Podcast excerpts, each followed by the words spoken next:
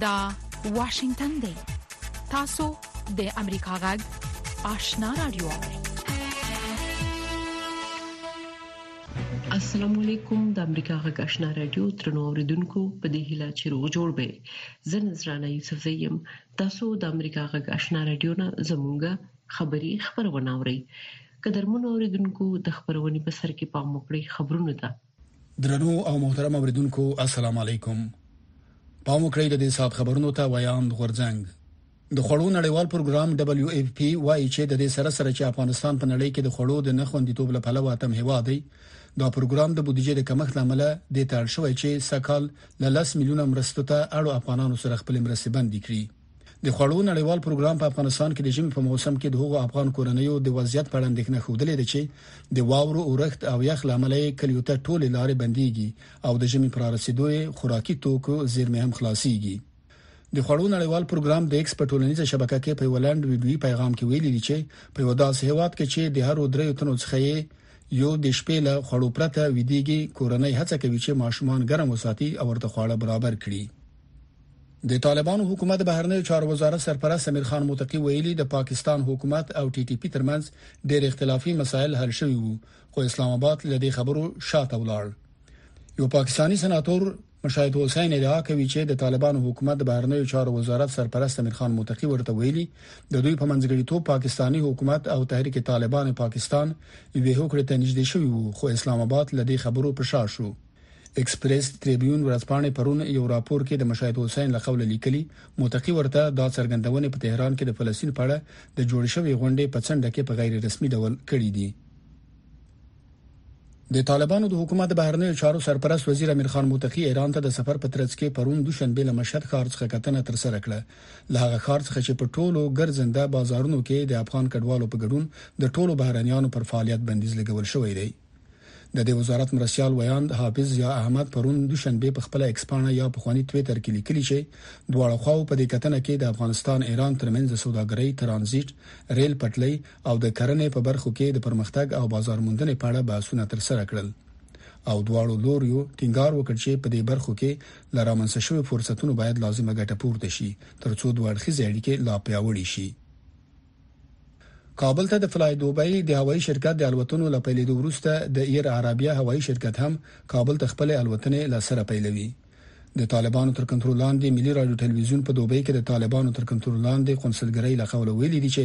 د متحده عربي اماراتو دغه هوایي شرکت به د کابل او شارجې ترمنځ الوتنې له سره پیل کړي. ایر عربیه پر افغانستان د طالبانو له واکمنېدو وروسته کابل ته خپلې الوتنې ځنډولې دي. د معلوماتو لمخې دغه شرکت به د راتلونکي کال د جنوري میاشتې په لسمه کابل ته الوتنې بیا پیل کړي لامریکا غږ څخه خبرونو ته دوام ورکوي په اسلام آباد کې د ترهګرۍ ضد محکمې د پښتون ژغورنې غورځنګ د مشر منظور پښتين ضمانت منزور کړ په دې اړه مو پام دی راپور ته راګرځوم د پښتون ژغورنې د غورځنګ یو مخکښ غړي ادریس پښتين نن رسنوي ته ویلي د ترهګرۍ ضد محکمې کې قاضي ابوالحسنات په دواړو قضیو کې د منظور پښتین ضمانت منلی. د هغه په خبره قاضي په دواړو قضیو کې د ضمانت په توګه د شپېته زره پاکستاني کالدارو د جمع کېدو غوښتنه کړې. د ادریس په خبره دوی د ضمانت لپاره ټول اسنادونه برابر کړي او د قاضي لاسلیک ته په تمه دي. احمدالله ارچیوال، اشنا راډیو، واشنګټن. خبرونو ته ادامه ورکوو روسیې د اکړې چې ځواکونو یې د اوکرين په ستراتیژیکه سیمه دونتیتس کې د مارنیکا په نوم خارګوټې نیولې لري خو کیپ دغه ادعا رد کړې او ویلي دي چې ځواکونو یې دغه سیمه کې درې ناکامې حمله په شاتمبولې دي د روسیې د دفاع وزیر سرګي شویګو پرون له ولسمشر ولادمیر پوتین سره د ملاقات پر مهال چې په ژوندۍ بڼه له ټلویزیون څخه خبرېده د دغه خارګوټي د نیولو ادعا وکړه رسنیو د اوکرين د پوز د ویاند الکساندر اشتوپون په حواله لیکلي چې د مارنیکا د نیولو ادعا سم نه ده هغه زیاته کړه چې د مارنیکا د ساتلو لپاره مبارزه روانه ده او په خبره یې دا ښارګوټی بشپړ ویجاړ شوی دی د ملګرو ملتونو یوې چارواکي مرکزی غزه کې یو روغتون ته لورتلو او د غنو ټپیانو لیدو وروسته ویلي دي چې اسرایل د فلسطینیانو په حق مطلق ټول وژنه کړې ده د ملګرو ملتونو د بشري مرستو د همغږي ادارې او چا چارواکي جیما کونیل بي بي سي ته وویل په غزه کې روغتونونه د ټپیانو درملو لستونو سره مخامخ دي نو موري وایي د دوشنبه پورځي چې د مرکزی غزه الاقصا روغتون کې په خپل سترګو کوم حالت ولیده مطلق ټول وژنه ده او د لوبو لډګر وروسي خبرداري چې د افغانستان د کرکټ بورډ لخوا پر دریو ځوانو لوبغاړو د بندیز لګولو بلابل خبرګونونه پارولې دي د کرکټ بورډ پرون دوشنبه له دریو لوبغاړو فضل الحق فاروقي، نوین الحق او مجيب الرحمن څخه د یو کال لپاره د ملي لوبډلې د مرکزی قرارداد اخیستو او همدارنګه د دوه کلونو لپاره په بهرنیو سوداګریزو لیګونو کې د اجازه نه ورکولو پریکړه وکړه. کرکټ بورډ ویلي دغه پریکړه یې ځکه کړې چې په وینا یې دغه لوبغاړو د مرکزی قرارداد له لاسلیکولو ډډه کوله او په سوداګریزو لیګونو کې په ګډون ټینګار کاوه د امریکا غږشنا رادیو درنو اوریدونکو تاسو خبرونه واوریدل پام وکړئ زموږه د خبرونې لومړی رپورت ده د طالبانو د حکومت د بهرنیو چارو وزارت وایي چې دغه وزارت سرپرست مولوی امیر خان متکی ایران ته د سفر پر مهال دغه دغه هواد د ځینو چارواکو سره د افغان کډوالو پستونزو هم خبرې کړې دي د سیاسي چارو ځینې کارپوهان وایي چې گاونډي هیوادونه د کډوالو د مسلې د فشار لپاره کار اخلي اکرام شینواری رپورټ را لګلې د طالبانو د حکومت د بهرنی چارو وزارت وایي چې د دغه وزارت سرپرست مولوی امیر خان متکی په مشرۍ یو پلاوی د دوشنبه په ورځ د ایران د خراسان رضوي ولایت مرکز مشهد ته د سفر په ترڅ کې د دغه ولایت د والي او هم افغانستان او ایران د سوداګرۍ د ګډې خونې له چارواکو سره اقتصادي فرصتونو سوداګرۍ ترانزیت او کډوالو په ستونزو خبرې کړي د دغه وزارت لخوا په یو خبره شوی ویډیوي وینا کې خاغلی متکی د افغان او ایران د سوداګرو ګډې خونې ته ویلي چې د طالبانو حکومت د پاکستان او ایران څخه په لوی شمیر کډوالو د سریدو بهیر په خټه ډول مدیریت کړي او که په ډلهیز ډول په دومره شمیر کډوال بل هر هیواد تام ستانه شوی وي نو د کډوالۍ د رامنځته کېدو سبب ښه به وي. ای تر حالت اګر بر هر حکومت پیشرفته هم بیایه شاید کنترولش مشکل باشه ولی الحمدلله از بولدک و تورخم شروع تا هر جای کنج و کنار کشوری که میره به موترهای حکومتی به خانه های خود رسانیده میشه مصرف و خرچ اولیه هم داده میشه. ښاغلی متقی په ایران کې مشتو افغان کډوالو ته بلنه ورکړه چې خپل هیواد ته دي پرته د کومې اندېښنې ستانه شي. ټول افغانان، مهاجرین، هر څوک چې راځي هیڅ تشویش ترې نه کوي، حتی موږ هغه څوک، هغه جنرالان، هغه والیان، هغه وزیران چې په جنګ کې ولاړ وو، چنټې یې تړلې وې، مجاهدین یې شهیدانولې، شهیدان کړي وو، هغه داسې ګیر شو، بیرته عفو شو، ازاد ګرځي، هیڅ خبره نشته، موږ الحمدالله اوس په ټول افغانستان کې سیاسي بندي نه لرو، تاسې ته به یاد وي چې. په دې وروستیو کلو کې د کابل ادارې اعلان وکړو د جمهوریت په دوره کې چې موږ د زندانیانو لپاره نوي بلاکونه جوړو نور نه په باګرام کې ځایدل نه په پلچرخي کې ځایدل نه په د ولایاتو په محابسو کې خو نن الحمدلله ټول خلک آرام دي سیاسي بندي نه لرو مولوي امیر خان متقي د ایران سره د خپل حکومت اړیکې ډېرې ښې یاد یې کړې او ویې ویل چې هڅه کوي چې دا اړیکې په ټولو برخو کې په ځانګړي ډول په سوداګریزو او ترانزیټي برخو کې لا پراخه کړي. ښاغلي متقي د ایراني چارواکو سره د افغان کډوالو د ستونزو په اړه ویل چې ایراني چارواکو ورته دغه ستونزو د حل ژمنه کړې ده همچنان در مشکلات کې به مهاجرین به روبرو هست و هم مطرح کردیم در بعضی امور وعده داد که ان شاء الله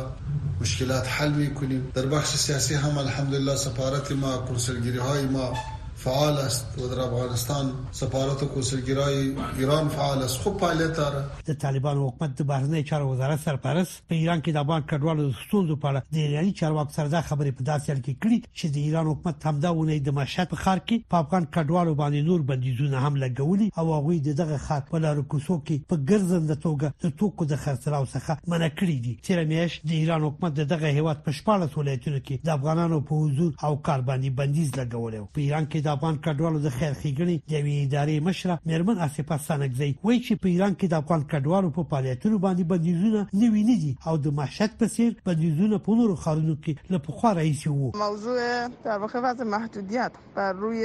مشاغل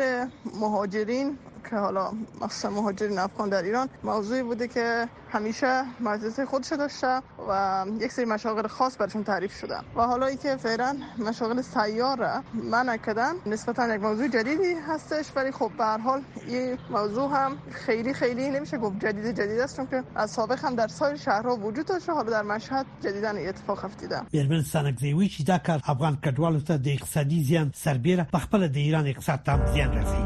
د بدلون پر مهال کله چې د نړۍ وضعیت څرګند نوي او کله چې اوریدل ل عیني واقعیتونو سره سمون نخري موږ په حقیقت پسې ګرځو کله چې موږ ته د یو موضوع یوازې یو اړخ بیانېږي نو باور بایلو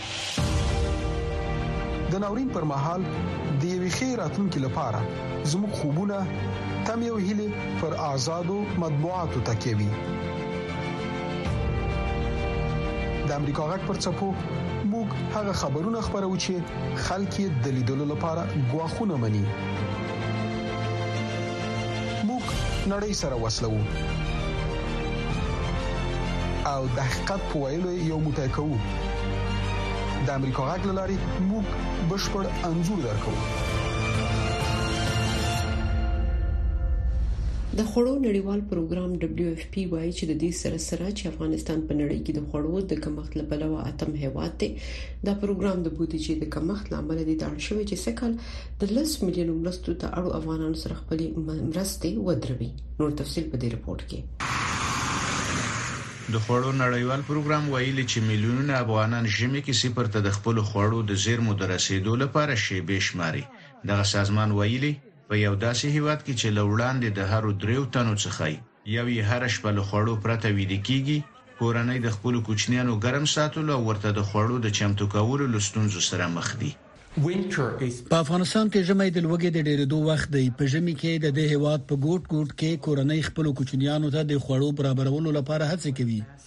په ۲۰۲۳ کال کې د بودیجې د زیات کمښت له امله زموږ اداره اړه شوه چې له لسو میلیونو افغانانو سره خپلې بیړنۍ مرستې بندې کړي. په روان ژمي کې د هغو شپاړسو میلیونو خلکو چې نه پوهېږي چې بل خوراک به له کومه ځایه ترلاسه کړي، د خوړو نړیوال پروګرام یوازې له اووه میلیونه دغو خلکو سره مرسته کولای شي.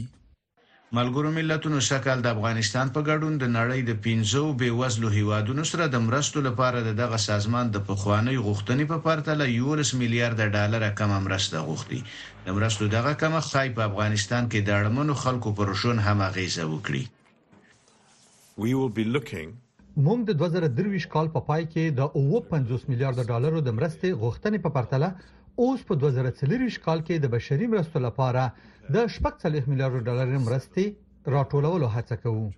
دا یو د پام وړ کمښت دی.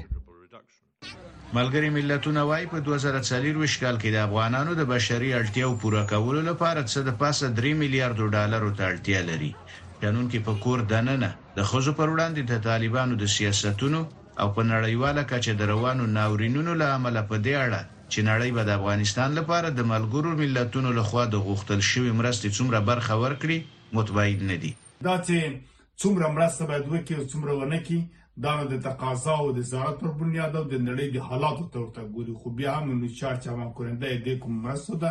دوی دا څرنده کوي په دې اکړه باندې خانه خو به دوی بل افغانستان سره افغان وګړو سره مرسته کوي نو دا چې مقدار به 3 میلیارډ او کم زیاتی دا نه بیا بل باسته اما مرسته هم بشر ته خامخا رسیږي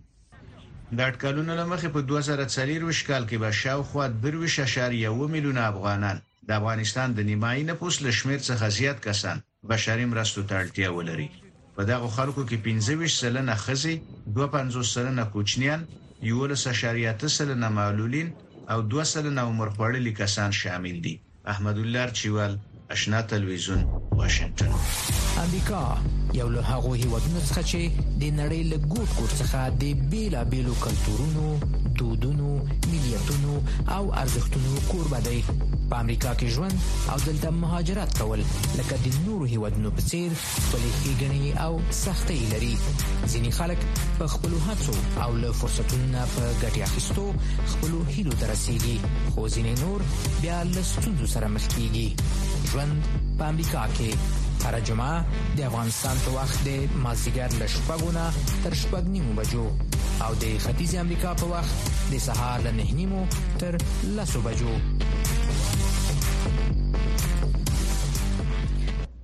د دسمبر په یولسمه د کابل په بي بي رازیه منځني ښوونځي کې د شپږم ټولګي بشپړولو نه وروسته ماشومان پوهیږي چې دا د هغوی د زده کړو پای دی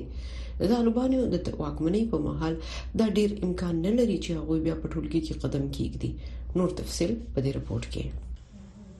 بهاره رستم په کور کې درسي کتابونه لولي. ما وقتی که از مکتب فارغ شدیم یعنی صنف هفت می شدیم تمام صنفی ما گریان کردن و معیوس زیاد شدیم. همدغه ډول د هغې خور چې د شپږم ټولګي نه فارغه شوه په کور کېناستله.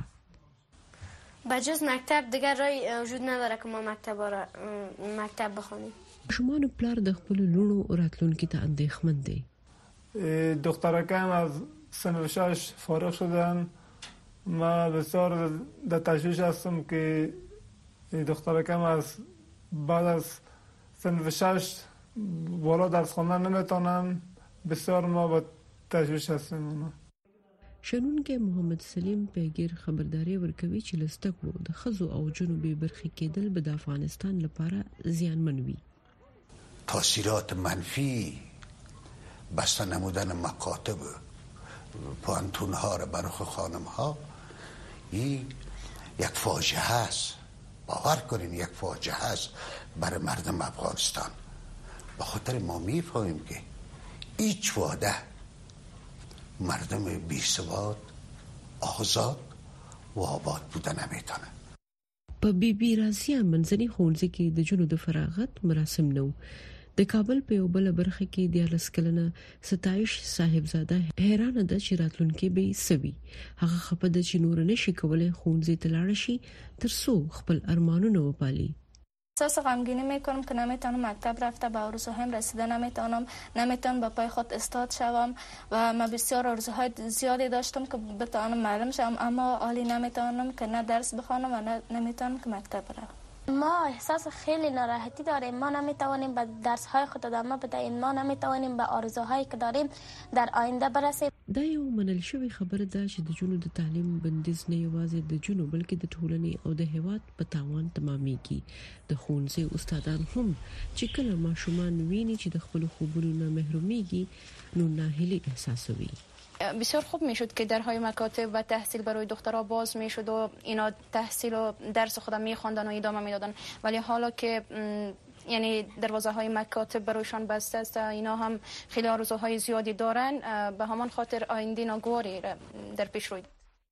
طالبانو خزه د ډیرو عامه ځایونو او کارونو نه منع کړي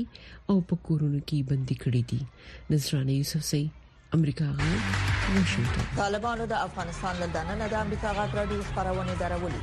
خو امریکا غا په پوره شمنتیا خپل افغان اوریدونکو ته په پښتو او دری ژبه د کارا باوري او هررخیزو خبرونو په خبرولو د افغانستان له بهره په 902 کیلو هرتز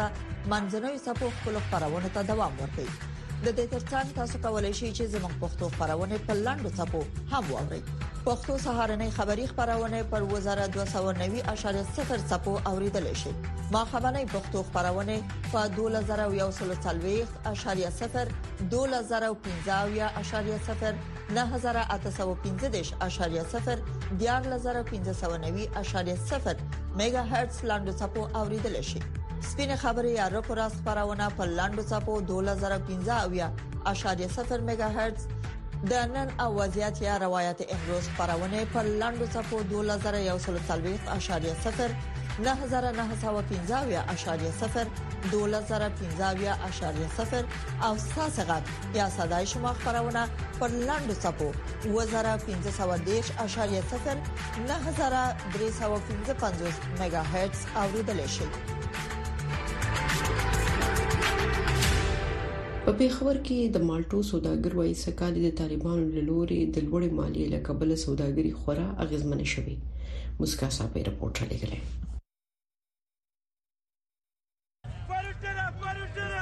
د پېښور د میوو په منډۍ کې د مالټو افغان سوداګر وایي سږکال د طالبانو لخوا پر مالټو درې چنده ګمرک لوړ شوی دی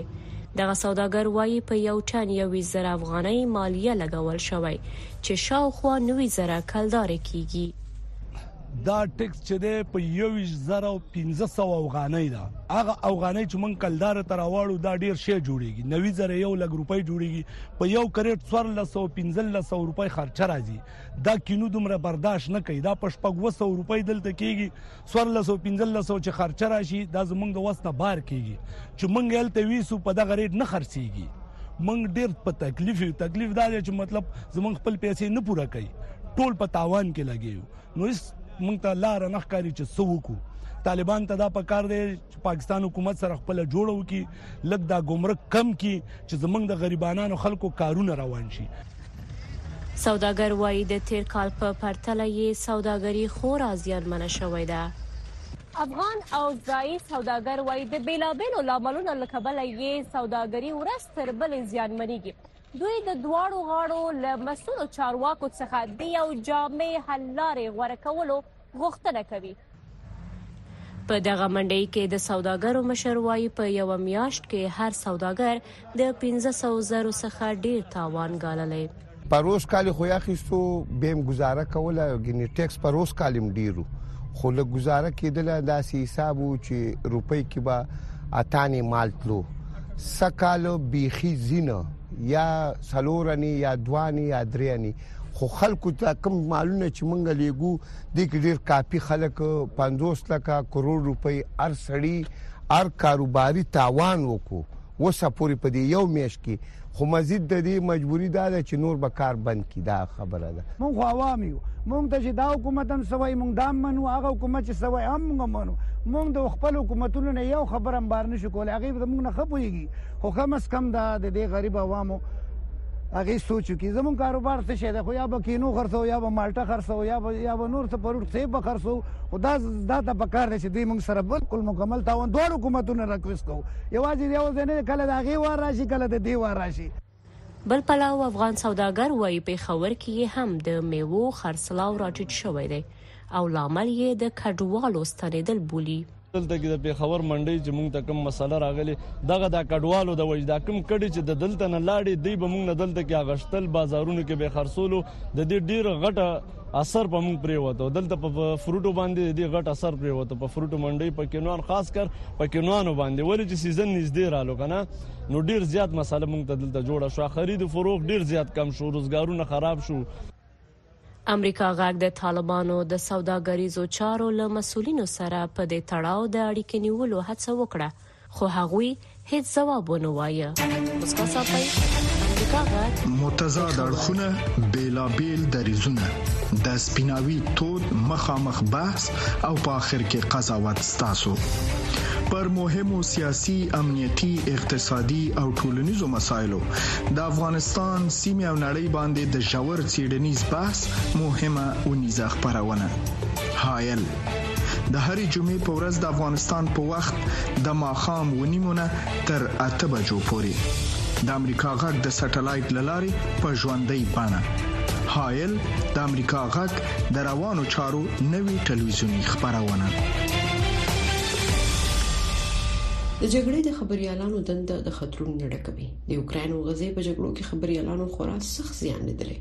امریکا غږ د دوه خبريالانو سره د دوی د تجربو په اړه خبرې کړې دي چې ولې دوی د خطرونو سره سره رپورټ ورکول ته دوام ورکوي لومړی چاودنه هغه مهال وشو کله چې د فاکس نیوز خبريال بنیامین هال او د هغه همکاران د کیف نه بهر د هورینکا په ښار کې د روسیې د بریدونو په اړه د وی ورځې رپورټ ورکولو څخه بیرته راستانه شول او څو ثانیې وروسته دوهم بم د موټر تر څنګ وچاودېد. موږ پنځه تنه په موټر کې وو، پیري، زه او ساشا په شاته سیټ کې وو او دوه اوکراینیان چې موټر یې چلاوه او دویمې چاودنې سره زه بې هوښه شوم. د دوه زره دوه ویشتم کال د هغې چاودنې حال بې هوشه کو، خو د هغه د کورنۍ فکر هغه وهڅوو چې له موټر نه ووځي. زما لور، زما کوچنۍ اته کلنه لور زما فکر ته راغله او ماته یې وویل، پلار، پلاره، تاسو باید له دې موټر نه ووځئ. سخت زخمي شوی حال ژوندی پاتې شو، خو کیمره مین پیري زاکرزیونسکي او الکساندرا کوشینا، یوه یوکراینۍ خبریاله چې د ټیم سره یې مرسته کوله، ووژل شول. حال سخت وسوځېدو او ټپي شو. هغه یوه خپه هم وبایلله. حال ډېرې جراحۍ ترسره کړې. هغه وايي چې دا تجربه ژنلسټانو او لیدونکو ته د هغه خطرونو یادونه کوي چې رسنۍ یې د خبرونو ورکولو لپاره اخلي. په دوه زره درېشتم کال کې د شخړو په جریان کې تر ټولو زیات خبریالان ووژل شول، درې تنه په یوکراین او شپېته تنه خبریالان په غزې کې ووژل شول چې زیاتره یې فلسطینیان دي. د ځايي خبریالانو لپاره دا شخصي تجربه ده. دا د دوی د پاره یوازې یوه شخړه نه ده، دا د دوی ژوند دی، دا د دوی کورنۍ ده او دا د دوی ټولنه ده، دا د دوی کلتور دی، دا د دوی ښارونه دي. دمون چې په سوریه او عراق کې د جګړې پوښښ کړی، وايي خبریالان هم په قصدي ډول د نښه کیدو د خطر سره مخ دي. عراق په هغه وخت کې د خبريالانو لپاره د کار کولو لپاره خورا خطرناک ځای وو او دا خورا توپير لري کله چې جرناليستان په قصدي توګه په نخښه کيږي. د اسرائیل او حماس د جګړې لپاره د جرنلسټانو د ساتنې کمېټې په څېر ډلې د خبریالانو په خوندیتوب ټینګار کوي. شریف منصور وایي چې لیدونکي د خبرونو لپاره په دوی تکیه کوي. په ټوله نړۍ کې په سلګونو میلیونه خلک چې دا زړه بوږنونکې شخړې تعقیبوي د پوهیدو هڅه کوي او دوی پر وخت او خپلواکو معلوماتو او تبصرو لپاره په ژورنالیستانو تکیه کوي. د رسنیو مدافعین د ټولو اړخونو غواړي چې د خبریالانو خوندیتوب تضمین کړي نصراني یوسفزۍ امریکا غږ واشنگټن طالبانو د افغانستان له دننه د امریکا غاک راډیو خبرونه درولې دي خو امریکا غاک په پوره شمنتیا خپل افغان اوریدونکو ته په پښتو او دری ژبه د کره باوري او هررخیزو خبرونو په خبرولو د افغانستان له بهره په 902 کیلو هرتز منځنوي صفو خپل خبرونه ته دوام ورکړي د دې ترڅنګ تاسو کولی شئ چې زموږ پښتو خبرونه په لاندو صفو هم واورئ پښتو سهارنې خبری خبرونه پر وزارت 290.0 صفو اوریدل شي ما خبرنې پښتو خبرونه په 2040.0 2015.0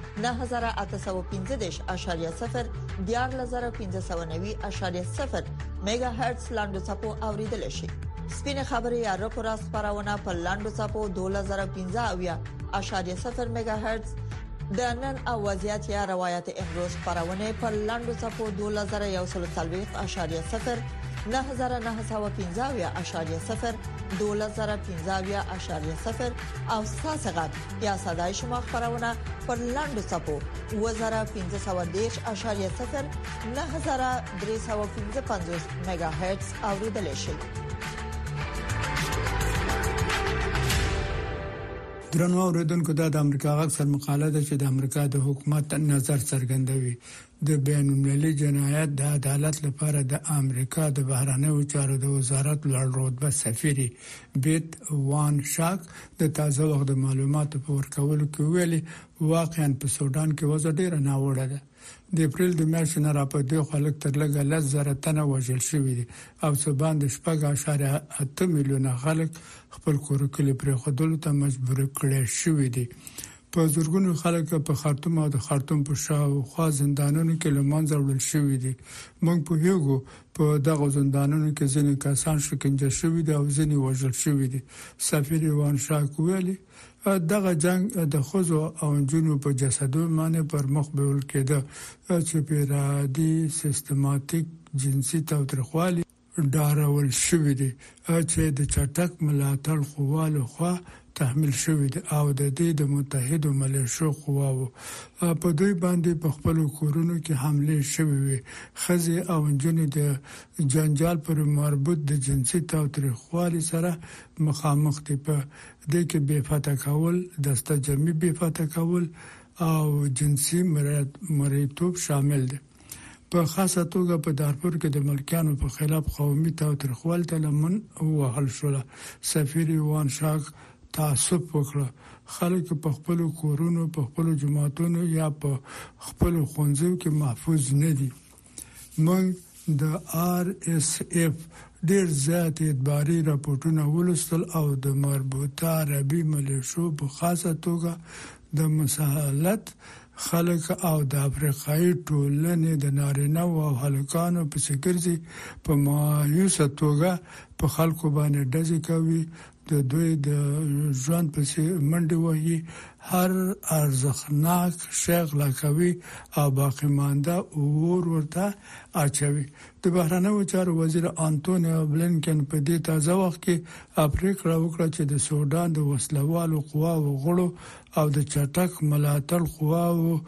جنگي جنایت انکړی دی د په فیصله هم وکړه چې د آر اس اف او د دوی متحدو ملیشو په دارفور کې د بشریت او قومي او قومي پاکسازۍ په خلاف د جنایت مرتکب شوی دی